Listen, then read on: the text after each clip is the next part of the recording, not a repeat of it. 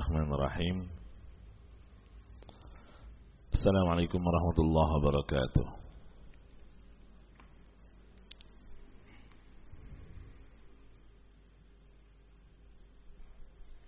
إن الحمد لله نحمده ونستعينه ونستغفره ونعوذ بالله من شرور أنفسنا ومن سيئات أعمالنا من يهده الله فلا مضل له ومن يضلل فلا هادي له. أشهد أن لا إله إلا الله وحده لا شريك له. وأشهد أن محمدا عبده ورسوله. صلى الله عليه وعلى آله وصحبه وسلم تسليما كثيرا. أما بعد. Kita lanjutkan pagi ini memasuki poin yang ke-69 dari kitab Furas Kasbi Sawab karya Syekh Naif bin Mamduh bin Abdul Aziz Ad Saud hafizahullah taala.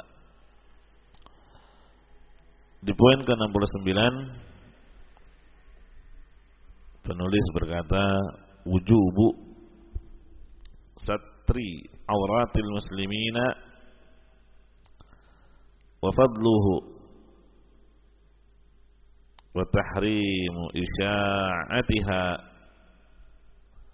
بغير ضرورة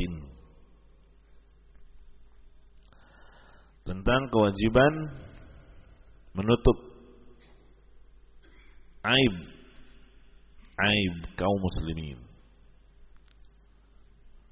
dan keutamaannya keutamaan menutupi aib kaum muslimin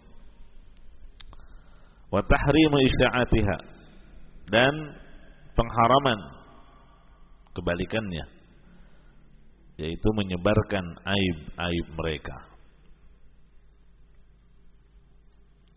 Dalil yang pertama adalah ayat Al-Qur'an. Innal ladzina yuhibbuna an tashi'al fahishatu fil ladzina amanu لهم عذاب أليم في الدنيا والآخرة. والله يعلم وأنتم لا تعلمون. Sesungguhnya orang-orang yang ingin agar berita perbuatan yang amat keji itu tersebar di kalangan orang-orang yang beriman maka bagi mereka azab yang pedih di dunia dan akhirat. Jadi orang-orang yang ingin agar berita fahisyah, berita-berita yang gak jelas, ini kan terkait dengan apa? Fitnah yang melanda Aisyah radhiyallahu anha dituduh berzina Nah orang-orang yang senang berita itu tersebar Bahkan dia ikut menyebarkannya Di kalangan orang-orang beriman Bagi mereka azab yang pedih Di dunia dan akhirat. Wallahu ya'lamu wa antum la ta'lamun. Allah lah yang lebih mengetahui Allah yang lebih mengetahui Hakikat sesungguhnya Kejadian yang sebenarnya. Wa antum la ta'lamun Sedangkan kamu tidak mengetahui Dalil yang kedua yang dibawakan oleh penulis La yasturu abdun abdan fid dunya illa satarahu Allah yaumal qiyamah. Tidaklah seorang hamba menutupi aib hamba yang lainnya di dunia ini melainkan Allah akan menutupi aibnya dia nanti di hari kiamat. Hadis riwayat Muslim. Dalil yang ketiga hadis yang diriwayatkan oleh Abu Dawud. Rasulullah sallallahu alaihi wasallam bersabda, "Ya ma'syara man amana bi lisanihi wa lam yadkhulil imanu qalbahu." La taghtabul muslimin wa la tattabi'u awratihim fa innahu man ittaba awratihim yattabi'illahu awratahu wa man yattabi'illahu awratahu yafdahu fi baitihi wahai orang-orang yang telah beriman dengan lisannya namun belum masuk keimanan itu ke dalam hatinya. Janganlah kalian menggibahi kaum muslimin. Janganlah kalian mencari-cari aib mereka. Jangan mencari-cari aib mereka. Fa innahu man ittaba awratihim yattabi'illahu awratah. Karena barang siapa yang suka mencari-cari aib orang lain, niscaya Allah pun akan mencari-cari aibnya dia. Dan barang siapa yang sudah dicari aibnya oleh Allah, niscaya Allah akan menampakkan aib-aibnya dia itu sekalipun dia di apa aib-aibnya dia di rumah. yakni sesuatu yang tersembunyi dari manusia secara umum Allah tampakkan. Nauzubillah.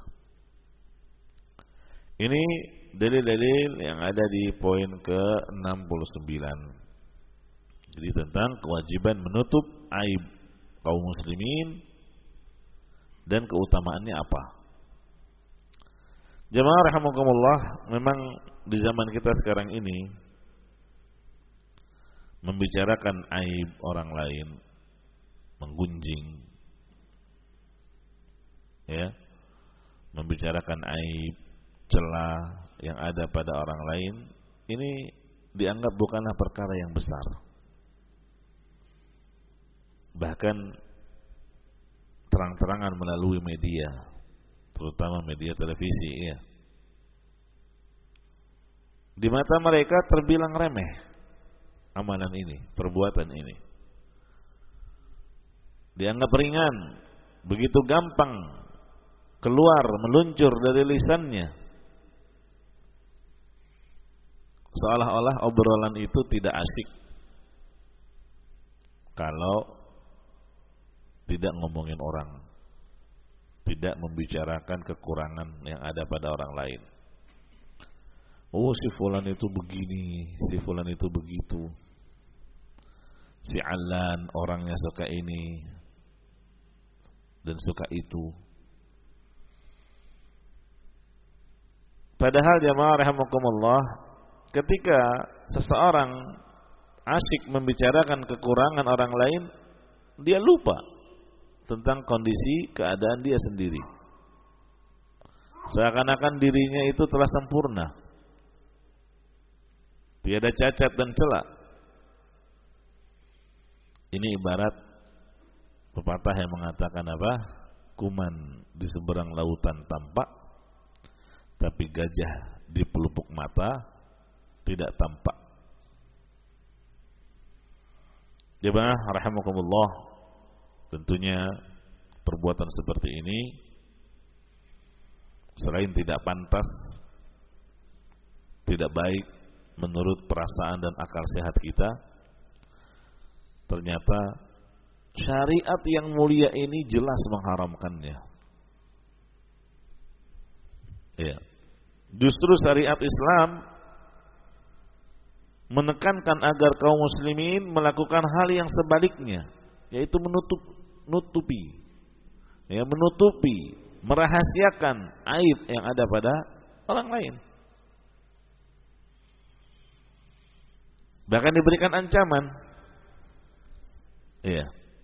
Siapa yang suka menceritakan kekurangan dan kesalahan orang lain, dirinya pun tidak akan aman untuk diceritakan oleh orang lain. Makanya ada seorang ulama salaf yang berkata, aku mendapati orang-orang yang tidak memiliki aib, nggak ada cacat sebetulnya, nggak ada celak padanya. Tapi ketika dia membicarakan aib orang lain, akhirnya apa? Manusia pun menceritakan aib-aib dia.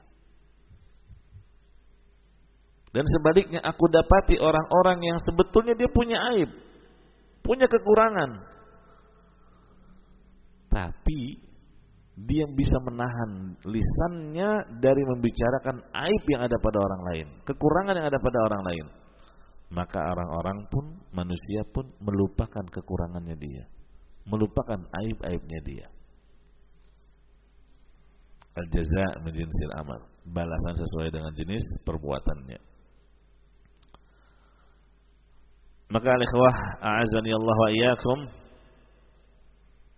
memang keadaan orang itu ada dua. Ada yang tertutup keadaannya. Tertutup. Tidak pernah sedikit pun diketahui berbuat maksiat secara terang-terangan. Tidak pernah. Kelihatan mabok-mabok gitu di pinggir jalan. Ya, nggak pernah kelihatan melakukan maksiat terang-terangan. Di bulan Ramadan ngerokok terang-terangan.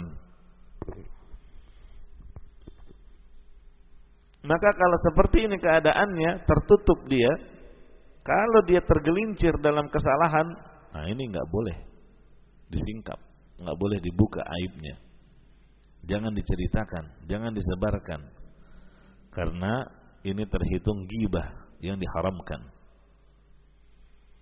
Dan ini termasuk ke dalam ayat yang tadi kita bacakan. Ya. Perbuatan dia kalau menceritakannya ke orang lain termasuk menyebarkan kejelekan di kalangan kaum mukminin. Yang tadi disebutkan di surah apa? An-Nur ayat 19. Innal ladzina yuhibbuna an tashi'al fahishatu fil ladzina amanu lahum azabun alimun fid dunya wal akhirah. Orang-orang yang suka menyebarkan keburukan, kekurangan, aib disebarkan di kalangan orang-orang yang beriman. Apa ancamannya? Lahum azabun alimun fid dunya wal akhirah. Mereka akan mendapatkan azab di dunia dan di akhirat. Ini nggak main-main ancamannya. Ya.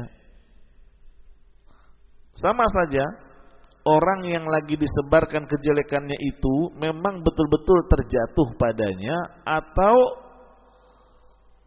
hanya sekedar tuduhan sebagaimana Aisyah radhiyallahu anha disebarkan tapi ternyata itu cuma tuduhan makanya turun pembelaan dari Allah Subhanahu wa taala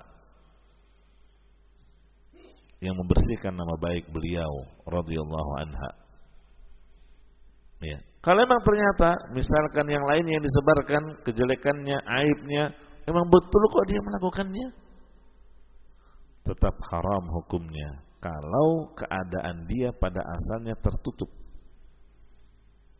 Ketika melakukan maksiat itu tidak terang-terangan.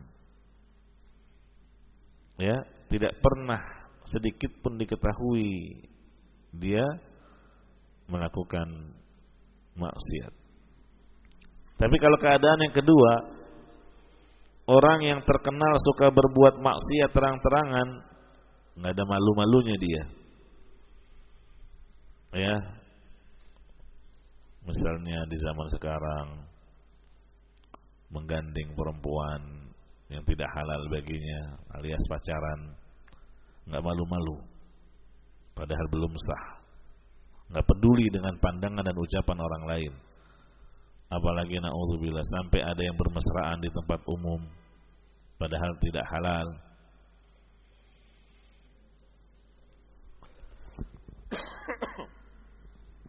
Dan maksiat yang lainnya. Dikenal suka bermaksiat secara terang-terangan. Maka membicarakan keadaan orang seperti ini bukanlah gibah bahkan harus diterangkan keadaannya kepada orang kepada manusia supaya apa?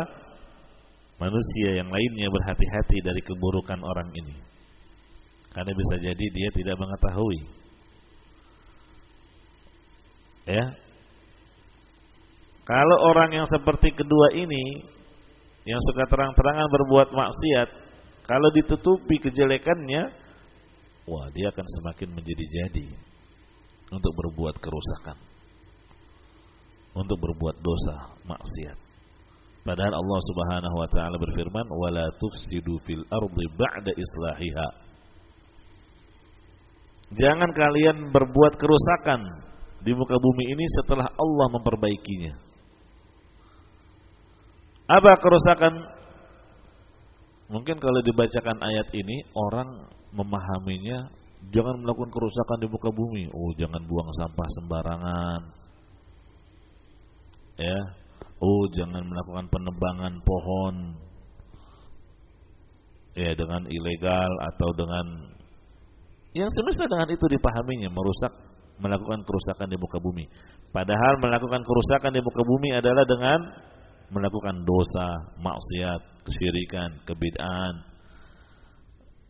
Ya, termasuk juga misalkan menetapkan hukum dengan selain hukum Allah Nah ini jamaah azani Allah wa iyakum. Jadi kalau ditutup-tutupi kejelekannya dia, wah akan semakin menjadi-jadi. Dia berbuat kerusakan di muka bumi ini. Dan akhirnya apa? Akan membuat orang lain berani untuk mengikuti seperti yang dia lakukan. Ini kan yang mengakibatkan kenapa kok maksiat banyak dilakukan terang-terangan belakangan ini. Ya, karena dia lihat pelaku-pelaku sebelumnya bebas-bebas aja. nggak ada dampak negatifnya, nggak ada dampak buruknya. Nah ini jamaah azan ya Allah wa iyyakum tentang keadaan dua orang apa dua golongan manusia. Ada yang tertutup tidak pernah nampak secara terbuka terang-terangan melakukan kemaksiatan maka pada asalnya kalau orang ini tergelincir ke dalam maksiat jangan disingkap. Jangan dibuka, jangan disebarkan aibnya. Jangan diceritakan. Tapi kalau orang yang memang asalnya dia suka melakukan terang-terangan, nggak ada malu-malunya dia, nggak peduli dengan penilaian dan pandangan orang, maka boleh, ya.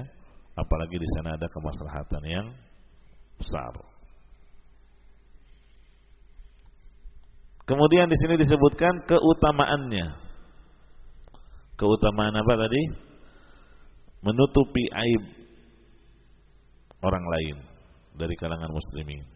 Kata Nabi sallallahu alaihi wasallam, "Man nafasa an mu'minin kurbatan min kurabid dunya, nafasallahu anhu kurbatan min kurabi yaumil qiyamah." Barang siapa yang melepaskan dari seorang mukmin satu kesusahan yang sangat ya, jadi siapa yang melepaskan kesulitan hidup seorang mukmin satu saja kesulitan dia bantu ya Allah akan melepaskan darinya juga satu kesusahan atau kesulitan nanti di akhirat di hari kiamat. Wa man yassara ala mu'sirin yassarallahu alaihi fid dunya wal akhirah. Dan siapa yang suka memudahkan urusan orang yang sedang mengalami kesulitan dibantu, dimudahkan. Allah pun akan memudahkan urusan dia di dunia dan akhirat. Di dunia dan akhirat. Wa man satara musliman satarahallahu fid dunya wal akhirah. Nah, ini sisi pendalilan kita dalam hadis terkait dengan bahasan di poin 69. Siapa yang menutupi aib seorang muslim, niscaya Allah akan menutupi aib-aibnya dia di dunia dan di akhirat. Di akhirat juga. Wallahu fi aunil abdi maka al-abdu fi auni akhi. Allah akan senantiasa menolong seorang hamba selama hamba tersebut suka menolong saudaranya. Hadis riwayat Muslim. Inilah keutamaan yang akan diraih oleh mereka yang suka menutupi aib saudaranya. Ya, aib sesama muslim yang memang dia menjaga kehormatan dirinya, tidak dikenal suka berbuat maksiat terang-terangan, apalagi dia dikenal sebagai orang yang baik-baik, orang yang terpandang, orang yang terhormat. Ya. Kalau yang tidak menutupi aib maka Allah Subhanahu wa taala akan balas seperti perbuatannya dia. Iya. Tapi kalau menutupi aib, Allah juga akan menutupi aibnya dia di dunia dan akhirat. Tapi ya ikhwah, kalau memang di sana ada kemaslahatan, ada kebaikan yang hendak dituju, yang kalau seandainya menutupi aibnya hanya akan menambah keburukan, maka boleh, bahkan bisa menjadi wajib menjelaskan aibnya orang ini. Apalagi kalau tujuannya supaya memberikan hukum, dihukum. Ya, dihukum. Memberinya hukuman untuk memberikan efek jerah. Jazakallahu khairan. Iya. Boleh dilaporkan misalnya seorang istri disampaikan ke siapa? Suaminya. Kalau dia seorang anak disampaikan ke ayahnya, kalau dia seorang apa murid disampaikan ke gurunya, kalau dia seorang guru dia sampaikan ke kepala sekolahnya atau mudirnya. Begitu seterusnya. Iya. Nah, jadi jemaah rahimakumullah yang perlu kita ingat di poin ini apa? Kita ini diri kita sendiri penuh kekurangan. Kita ini banyak aibnya. Kalau seandainya tidak Allah tutupi, mungkin nggak akan ada orang yang mau berteman dengan kita. Maka sibukkanlah diri kita ini untuk muhasabah, menghitung aib sendiri. Kalau kita mau melakukannya, mau muhasabah, mau introspeksi diri, memeriksa dan menghitung aib-aib kita, sudah menghabiskan waktu sehingga tidak sempat lagi memikirkan aib yang ada pada orang lain. Ya. Apalagi di sini orang yang suka mencari-cari kesalahan orang lain mencari-cari malah dia. Dicari-cari kesalahan orang lain untuk dikupas, dibicarakan di hadapan manusia. Allah akan balas dengan apa? Allah akan bongkar aib-aibnya dia. Walaupun itu dia lakukan di dalam rumahnya, di dalam kamarnya seorang diri. Dibongkar oleh Allah. Mudah saja bagi Allah Subhanahu wa taala membongkar aib seseorang sekalipun dia melakukannya sembunyi-sembunyi. Ini yang tadi disebutkan di dalam hadis dari Abu Barzah Al-Aslami, "Ya ma'syara man amana bilisanih wa lam yadkhulil imanu qalbahu." Wahai sekalian orang yang beriman dengan lisannya, orang yang baru beriman dengan lisannya. Tapi iman itu belum masuk ke dalam hatinya. Artinya apa? Lisannya mengatakan saya ini mukmin. Maksudnya saya ini orang yang beriman. Tapi hanya sebatas di lisan.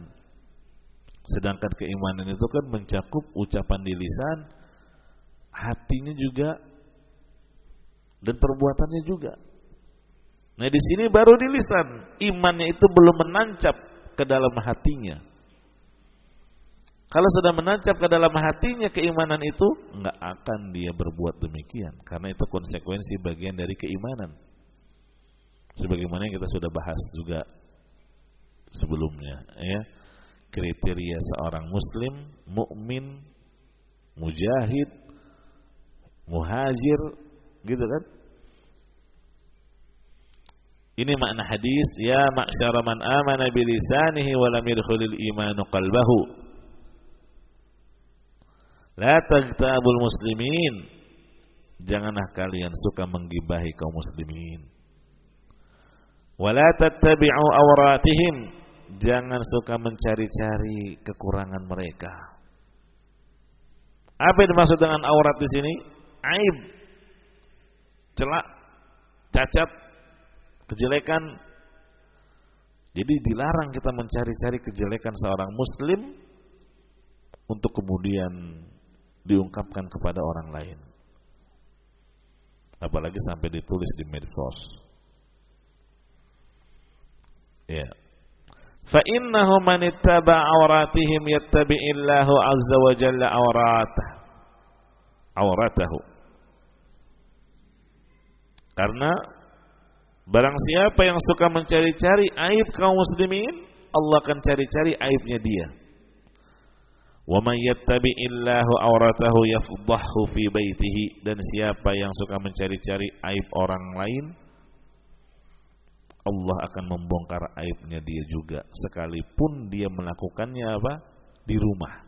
Tersembunyi dari manusia. Ini hadis sahih riwayat Ahmad, Abu Dawud. Ya, kalau Syekh Albani berkata hasan sahih. Dalam hadis yang lain dari Abdullah bin Umar Beliau menyampaikan hadis yang sama. Suatu hari Nabi Shallallahu Alaihi Wasallam naik ke atas mimbar, lalu bersabda, mengeluarkan apa bersuara dengan suara yang tinggi, Ya ma'syara man aslama bilisanihi ولم يفض الإيمان إلى قلبه لا تؤذوا المسلمين ولا تعيروهم ولا تتبعوا أوراتهم wahai sekalian orang-orang yang mengaku berislam dengan lisannya dan iman belum sampai ke dalam hatinya janganlah kalian menyakiti kaum muslimin janganlah menjelekkan mereka jangan mencari-cari kekurangan mereka innahu man tatabba awrata akhihi muslim tatabba Allahu awratahu wa man yattabi'illahu awratahu yafdahu walau fi jawfi rahlih karena orang yang suka mencari-cari aib orang lain, mencari aib saudaranya sesama muslim, Allah pun akan mencari-cari aib orang tersebut. Dan siapa yang dicari-cari aibnya oleh Allah, niscaya Allah akan membongkar aibnya walaupun dia berada di tengah tempat tinggalnya. Ini sekalipun di tempat yang paling tersembunyi di dalam rumahnya, tetap Allah akan bongkar. Jemaah azani Allah wa iyyakum dari dalil-dalil yang kita bacakan ini bisa tergambarkan betapa besarnya kehormatan seorang muslim. Ya. Sampai-sampai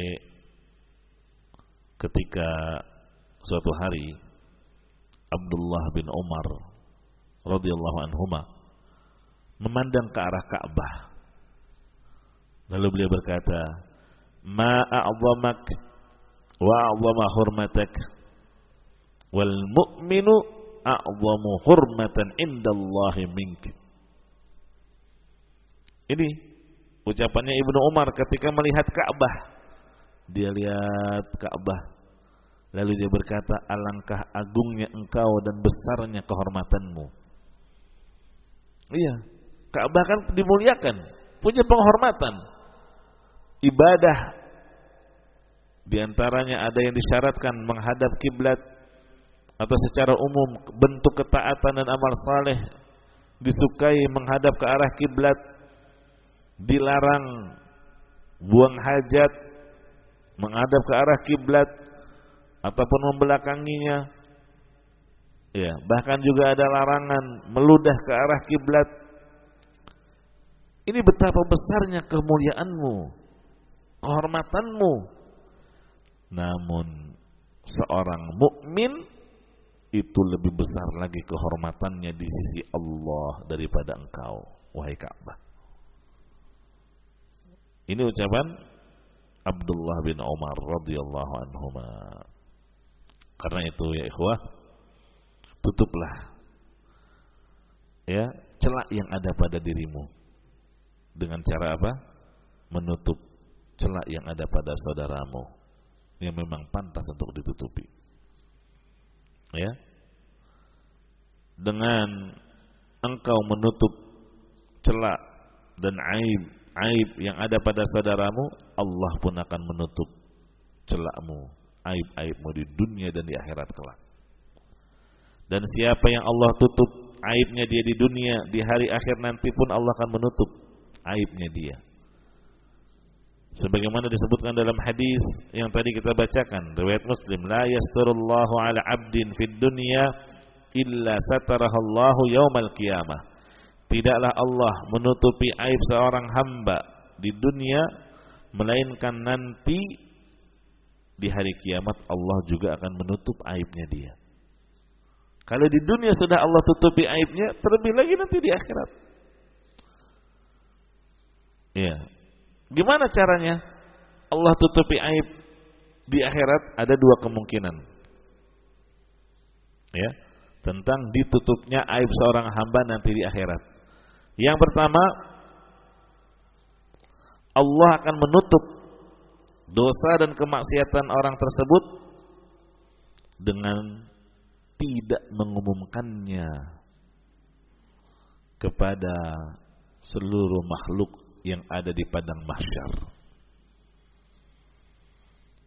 Ya, berbeda dengan orang yang sebaliknya dipanggil oleh Allah di hadapan seluruh makhluk, dibongkar aib-aibnya. Kalau ini sebaliknya. Allah tidak mengumumkannya di hadapan makhluk-makhluknya nanti di padang mahsyar. Ini makna yang pertama. Atau yang kedua, Allah tidak akan menghisab aib-aibnya dia. Allah tidak akan menyebut-nyebut lagi aib-aibnya tersebut. Enggak akan disebut oleh Allah. Ya, tapi dari dua kemungkinan ini yang pertama sepertinya lebih kuat karena ada hadis dari Ibnu Umar Rasulullah sallallahu alaihi wasallam bersabda innallaha yudnil mu'min fayadha'u alaihi kanafahu wa Sungguh nanti di hari hisab di padang mahsyar Allah akan mendekatkan seorang mukmin. Lalu Allah meletakkan tabir dan menutupi si mukmin. Sehingga hisabnya orang tersebut terhalangi oleh tabir. Tersembunyi. Tidak terlihat dari orang-orang yang hadir di mahsyar. Ya, jadi Allah mendekat lalu meletakkan tabir dan menutupi orang yang dihisap olehnya oleh Allah. Fayaqul ya. Ata'rifu dzanba? Apakah engkau mengetahui dosa ini yang pernah kau lakukan? Ata'rifu dzanba kadza? Apakah engkau do tahu dosa ini yang dulunya kau lakukan di dunia? Fayaqulu na'am. Si mukmin tadi menjawab, "Iya." Ya Rab. Hamba mengetahuinya ya Rab.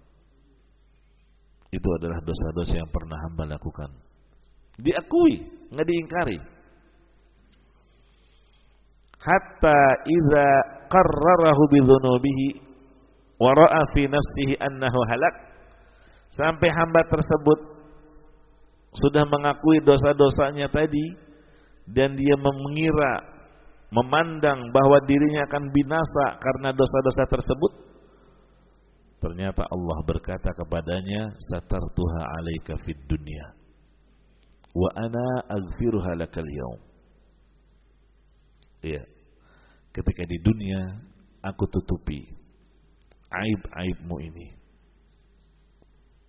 dosa-dosamu ini aku tutupi sehingga enggak ada yang mengetahuinya kecuali Allah Subhanahu wa taala. Karena apa ini? Karena dia menutupi aib orang lain sehingga aibnya dia ditutupi oleh Allah di dunia dan di akhirat pun demikian. Wa ana aghfiruha lakal yaum. Lihat. Dan pada hari ini kata Allah, aku ampuni dosa-dosamu itu. Masya Allah fayu'ti kita bahasanatihi lalu diberikanlah kepadanya catatan kebaikan-kebaikannya. Ini hadis riwayat Bukhari Muslim. Jelas ya? Jadi keutamanya demikian. Allah akan tutupi aibnya di akhirat maknanya tadi. Ya? Dia dihisab secara sembunyi-sembunyi. Ketika banyak orang yang dihisab secara terang-terangan sembunyi-sembunyi. Bahkan dalam riwayat yang lain Allah menghisapnya dengan cara berbisik-bisik. Betul-betul dirahasiakan. Nah, nah ini poin yang ke-69 yang dapat kita bahas pada pagi hari ini.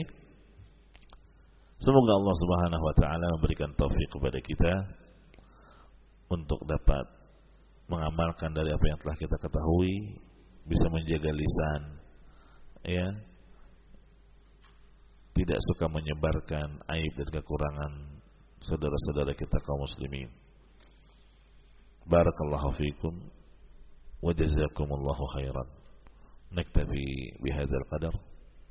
Subhanakallahumma wa bihamdika asyhadu an la ilaha illa anta astaghfiruka wa atubu ilaik.